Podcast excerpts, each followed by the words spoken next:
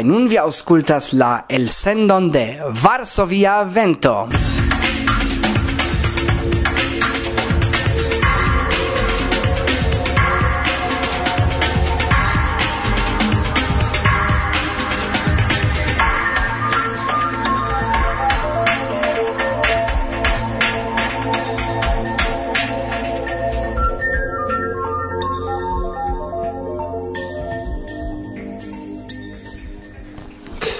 antau eh, mikrofono de Varsovia vento. Saluton, Aida el Litovio. El la lando kie venontiare okazos exemple internacia junulara congreso, ĉu? Yes, vi pravas. Gi okazos en Litovio fine de augusto kai okazos preskaŭ sur marbordo gis congreseo estas eh, ducent metroi de Balta Maro. Mm, interese, ĉu Balta Maro tiam estas varma kiel Mediterraneo en Litovio? Fine de augusto kutime estas circa 20-23 tri gradoj en akvo kaj ekster akvo neniu scias eble kiel ĉiare plus tridek, eble kiel kutime plus dudek iu la kongreson organizas kaj Litova Esperanto junularo aktivas ekde du jaroj sufiĉe videble Ĉu pro tio aperis ideo eh, organizi la internacian junularan kongreson dum kiam UKO, la Universala Kongreso, estos en Afriko. Eh, jes, uh, vi pravas, junularo aktivas vere dum lastaj du jaroj, kaj kiam eh, junularo iama maljuniĝis, aperis nova generacio, kaj tiu nova generacio transprenis torĉon, kreis organizon kaj estis kiel ŝerco, ke ili proponis organizi la kongreson en jaro 2024. Estis en la konkurso tri landoi du el Afriko, unu en Europo kaj kiel vi vidas, gajnis Litovio. Kiu eh, okupiĝas fakte pri la organizado? Ĉu vi povas skize prezenti homojn de la teamo organiza? Estas kvar homoj en la estraro de Litova Esperanto Junulara Organizo. Unu knabino jam bakalaŭriĝis, tri aliaj estas ankoraŭ studentinoj. Uno estas bone konata Jogaile Čojute, kiu belege kantas, jes, kaj multaj konas ŝin, do ŝi ankaŭ estas en la estraro, kaj estas du aliaj miaj studentinoj, Uh, mi havis la ideon konatiĝi kun Esperanto al miaj studentoj kaj ĉiujare mi kaptas po kelkaj, sed kiel eh, kutime ne ĉiuj restas en la movado, tamen tiuj kiuj restis ŝajne kaptis verdan eh, viruson kaj espereble ne resaniĝos eĉ se ili mem estas ontaj kuracistinoj. Do Jogalle certe ne timas, ĉar ne nur si prezentiĝas sur scene, sed ankaŭ patro kaj patrino estas esperantisto do ŝi estas denaska kaj mi pensas ke tasko ioko estas io stranga por ŝi sed por tiuj aliaj kiuj ŝajne ne spertis samon kiel Dio Gaile estas granda tasko organizi tiel grandan eventon. Vidu ili ankaŭ estas artismaj Eidmente kelkfoje partoprenis en naciai konkursoj sur scenejo či belege kantas, kaj ankaŭ Aŭŝrine kantas en studenta ensemblo, do scenejo por ili ne estas io eksterordinara. Kio estas pri Esperanto movado?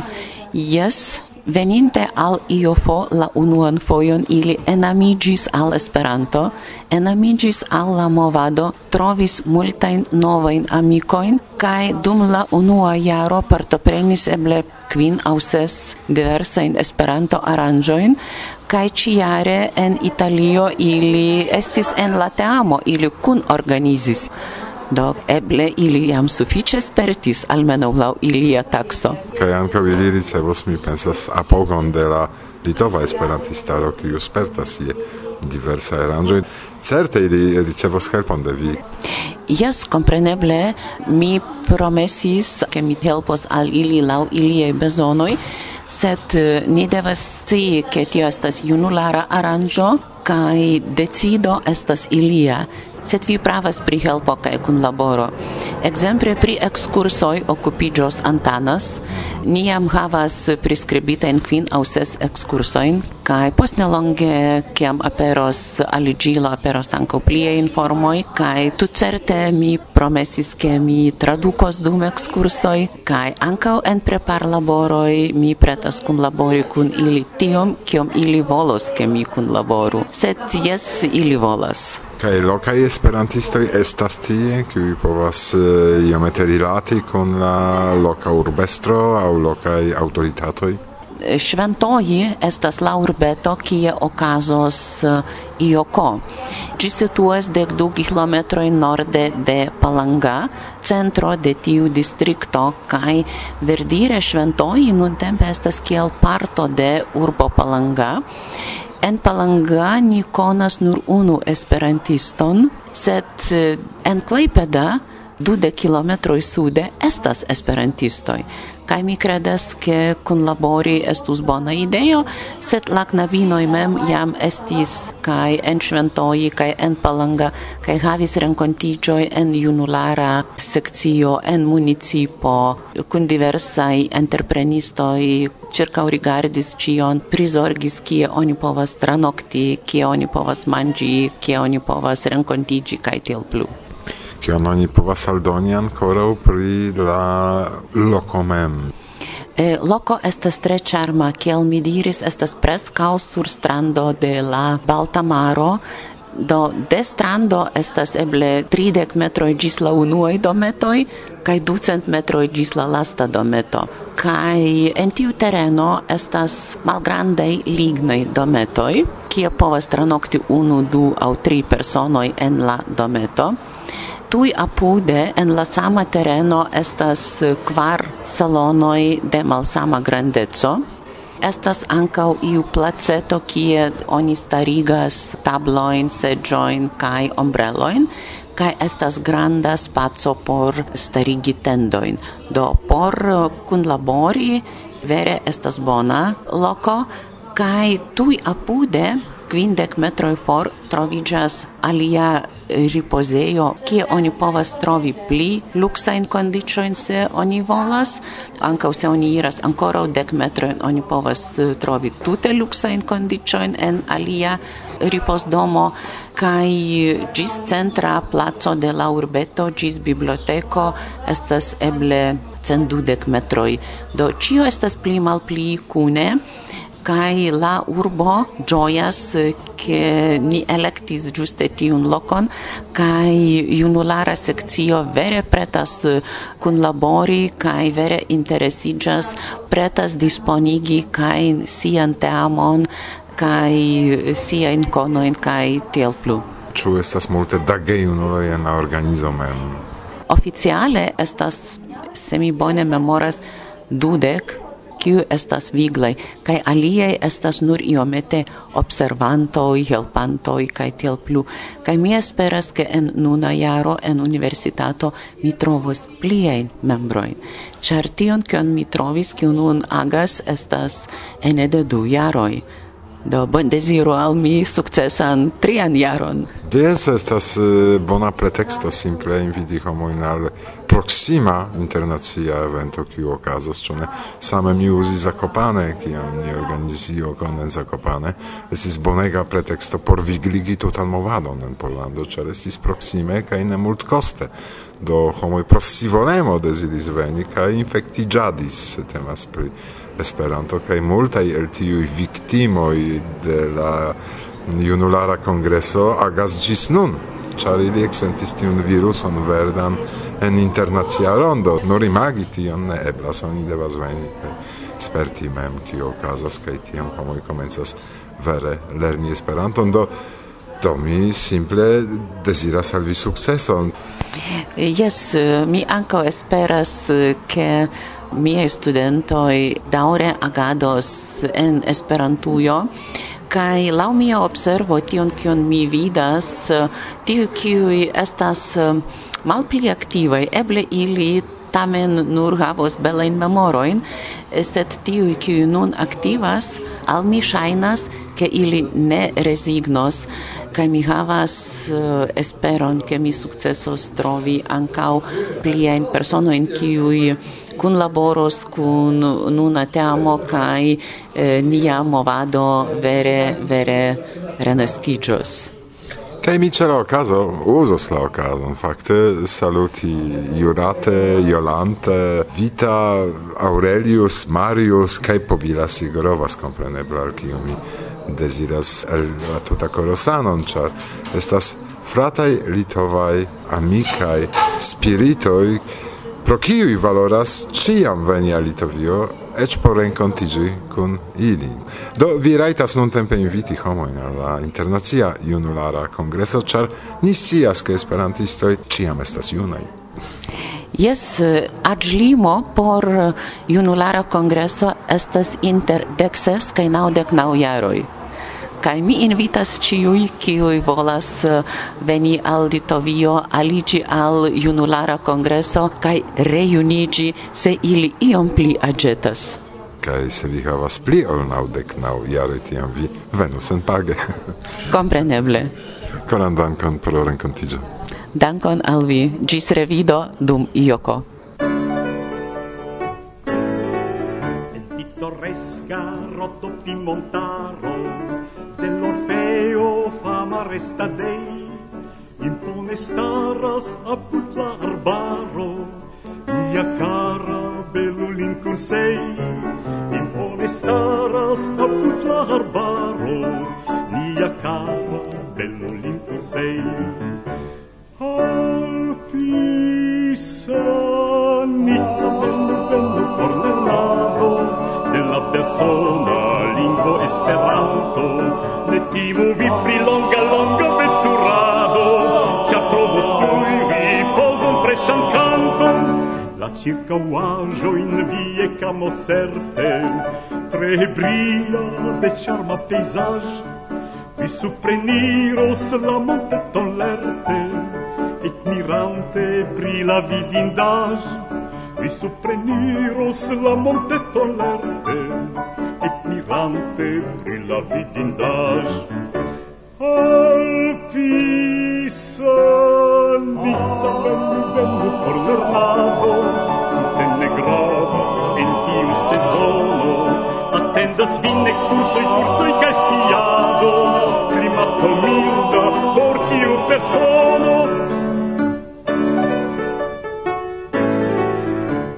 Spero se vi maldormemas Vostre veno e la promenei Distrigiu do ne estu hesitema Vocas vin la nocta dans linkei Distrigiu do ne estu hesitema Vocas vin la nocta dans linkei Alpisa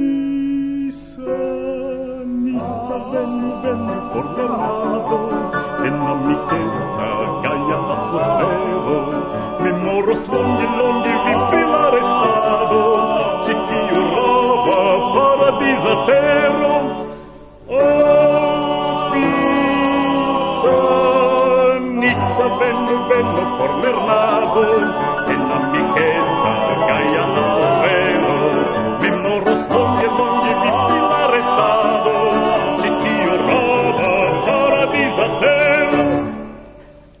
saluton.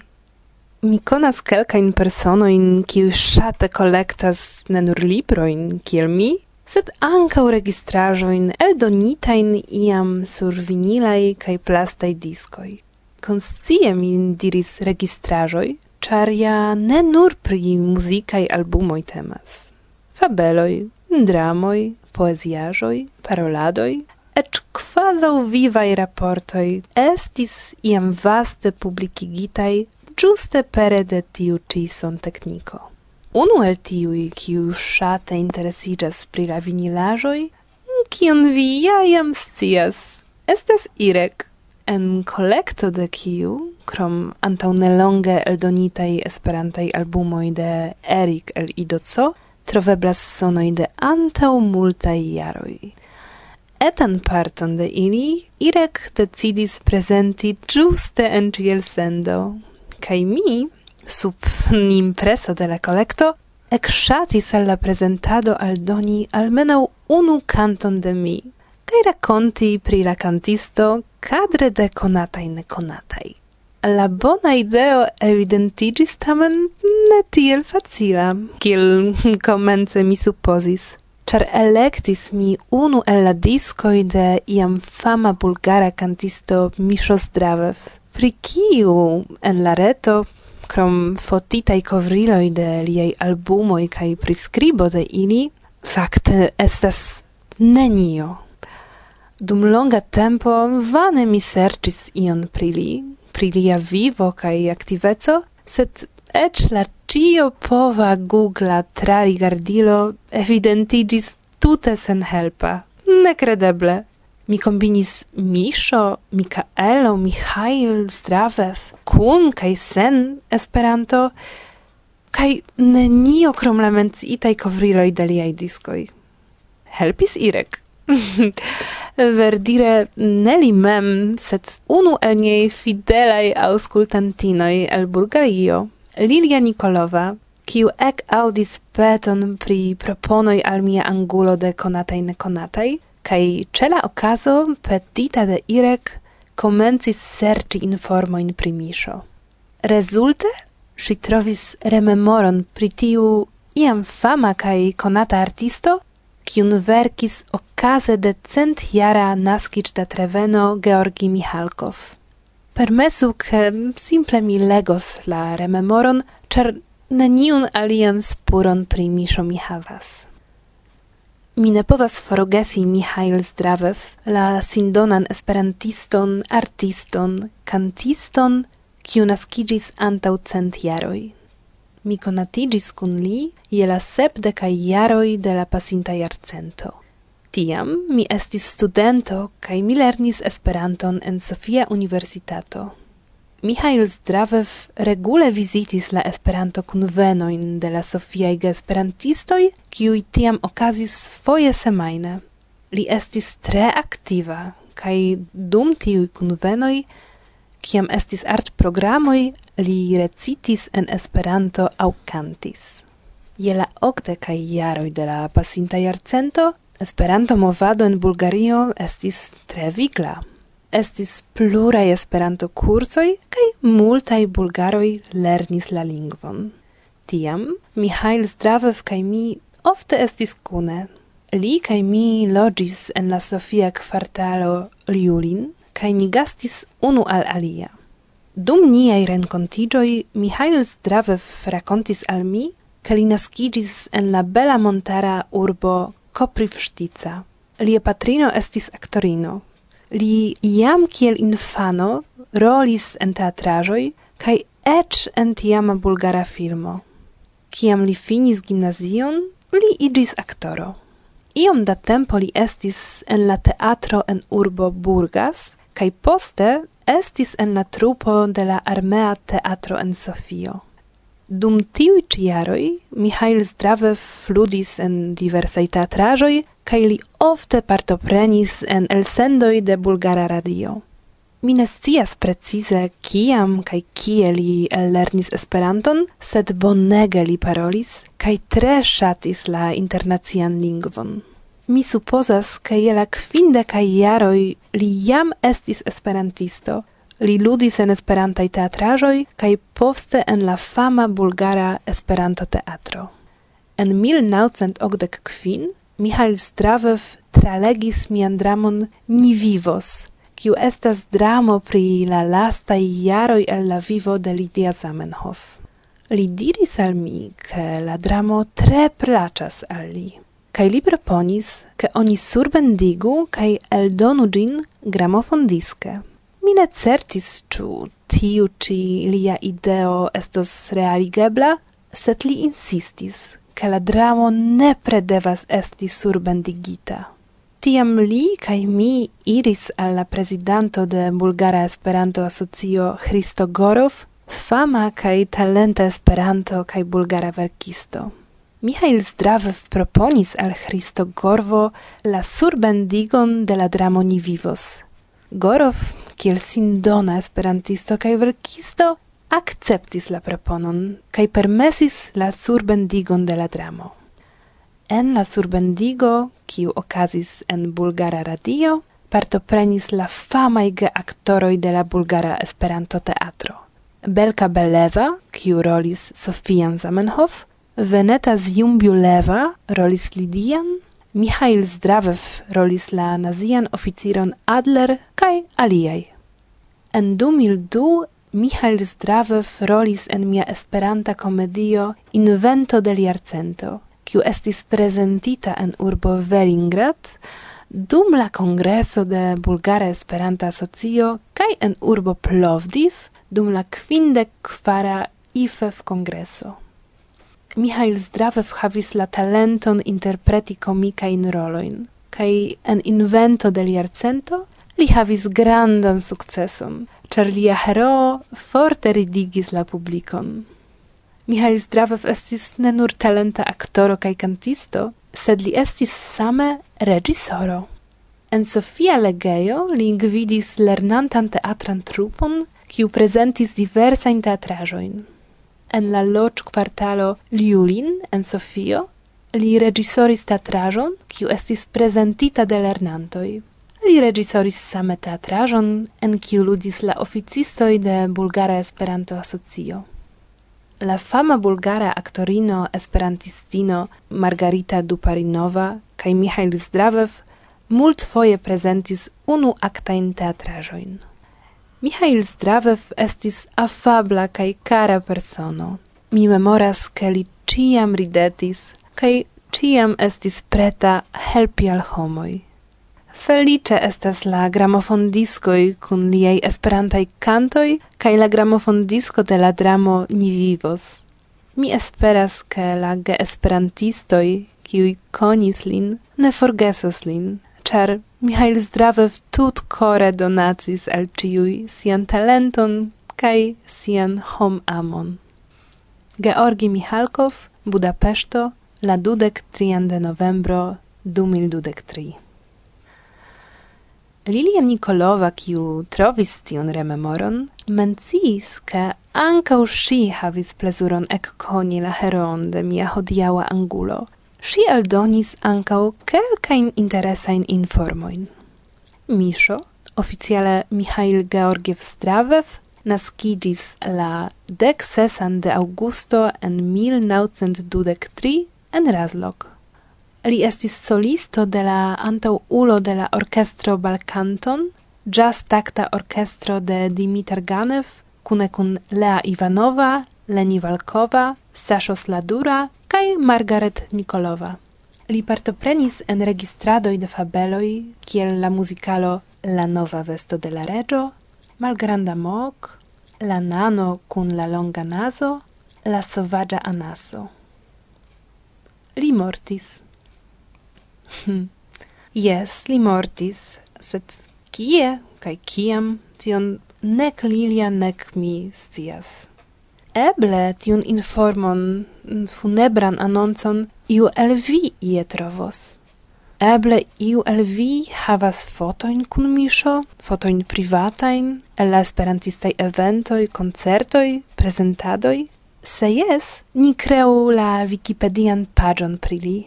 Georgi Michalkov rememoras, ke Miŝo ciam ridetis kai ciam estis preta helpi al homoj nun helpu ni do al li, por li ne mal aperu el nia tut monda memoro. Li ne meritas forgeson. Coran dankon Lilia pro helpo. Conata, kiu evidentigis neconata, sed tamen conservigis almenau lia vocio. Auscultu ni do. Miszo Zdrawew.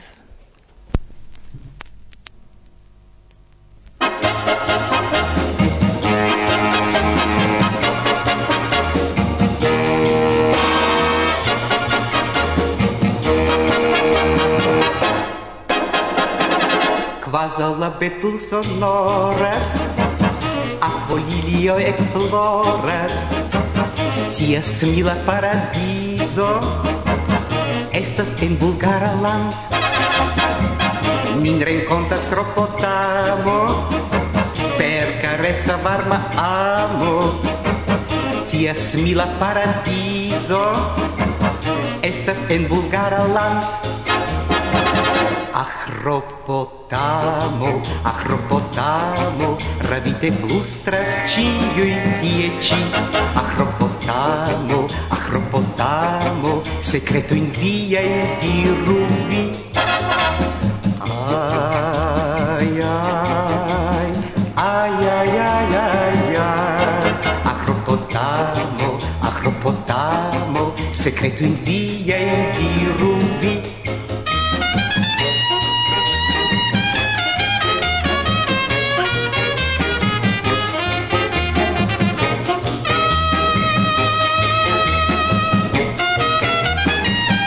dum supir caresas cielon Kai amantan kiel riveron. Ciei flui plei felicei Kisas ondoin de la mar. Nun crepus mal suprenigios Niei buŝoj cunicios Ah, ninfo mia dolĉa Cres amon via charm.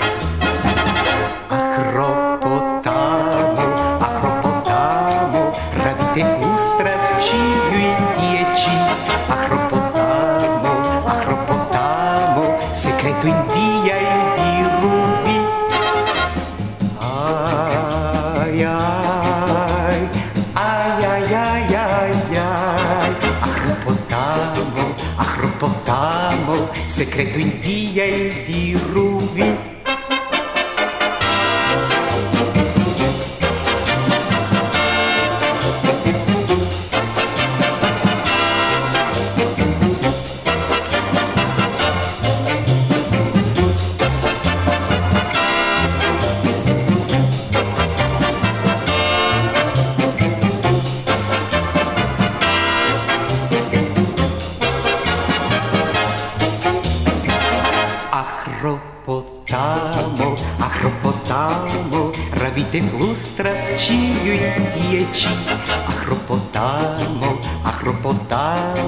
secreto in via e dirupi ai ai ai ai ai ai ai. Acropotamo acropotamo secreto in via e dirupi secreto in via e dirupi secreto in via e dirupi Kai, tio estas tio, kion ni preparis al vi. Restis nur bondeziri en la tuta, tuta coro. Hmm, yes. Unue pro la alvenanta cristnasco, se vi estas el inter la cristanoi. Kai se ne, char vi estas de sub la lumo de la aliei revelaciantoi, au vi estas ateisma. Tiun tempon havu bonan. Sanan kai feliĉan. Kai ĝojan nepre. kaj cion la plej bonan ankaŭ en la nova jaro. No, Esperanto felice estas unu, sed pri la nova jaro estas ankaŭ problemo, ĉar ne cie fakte gi okazas samtempe. yes, sed generale... Mm, generale, jes. Do, karaj, sendepende de tio... Kie ajn atingas vin niai bondeziroj, koraj? Fartu felice... Bone. Kaj same. Kaj alla bondeziroj aliĝas ankaŭ mi. Cis la reaŭto. Ĝis.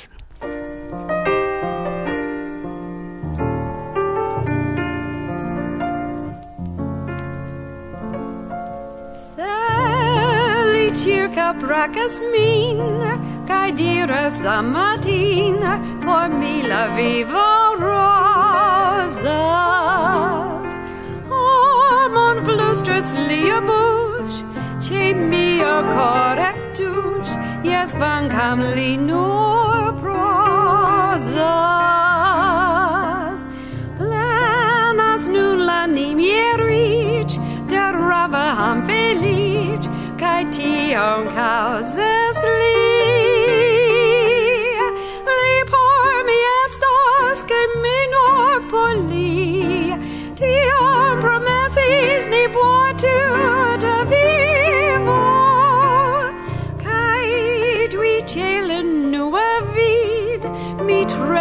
провагить, как o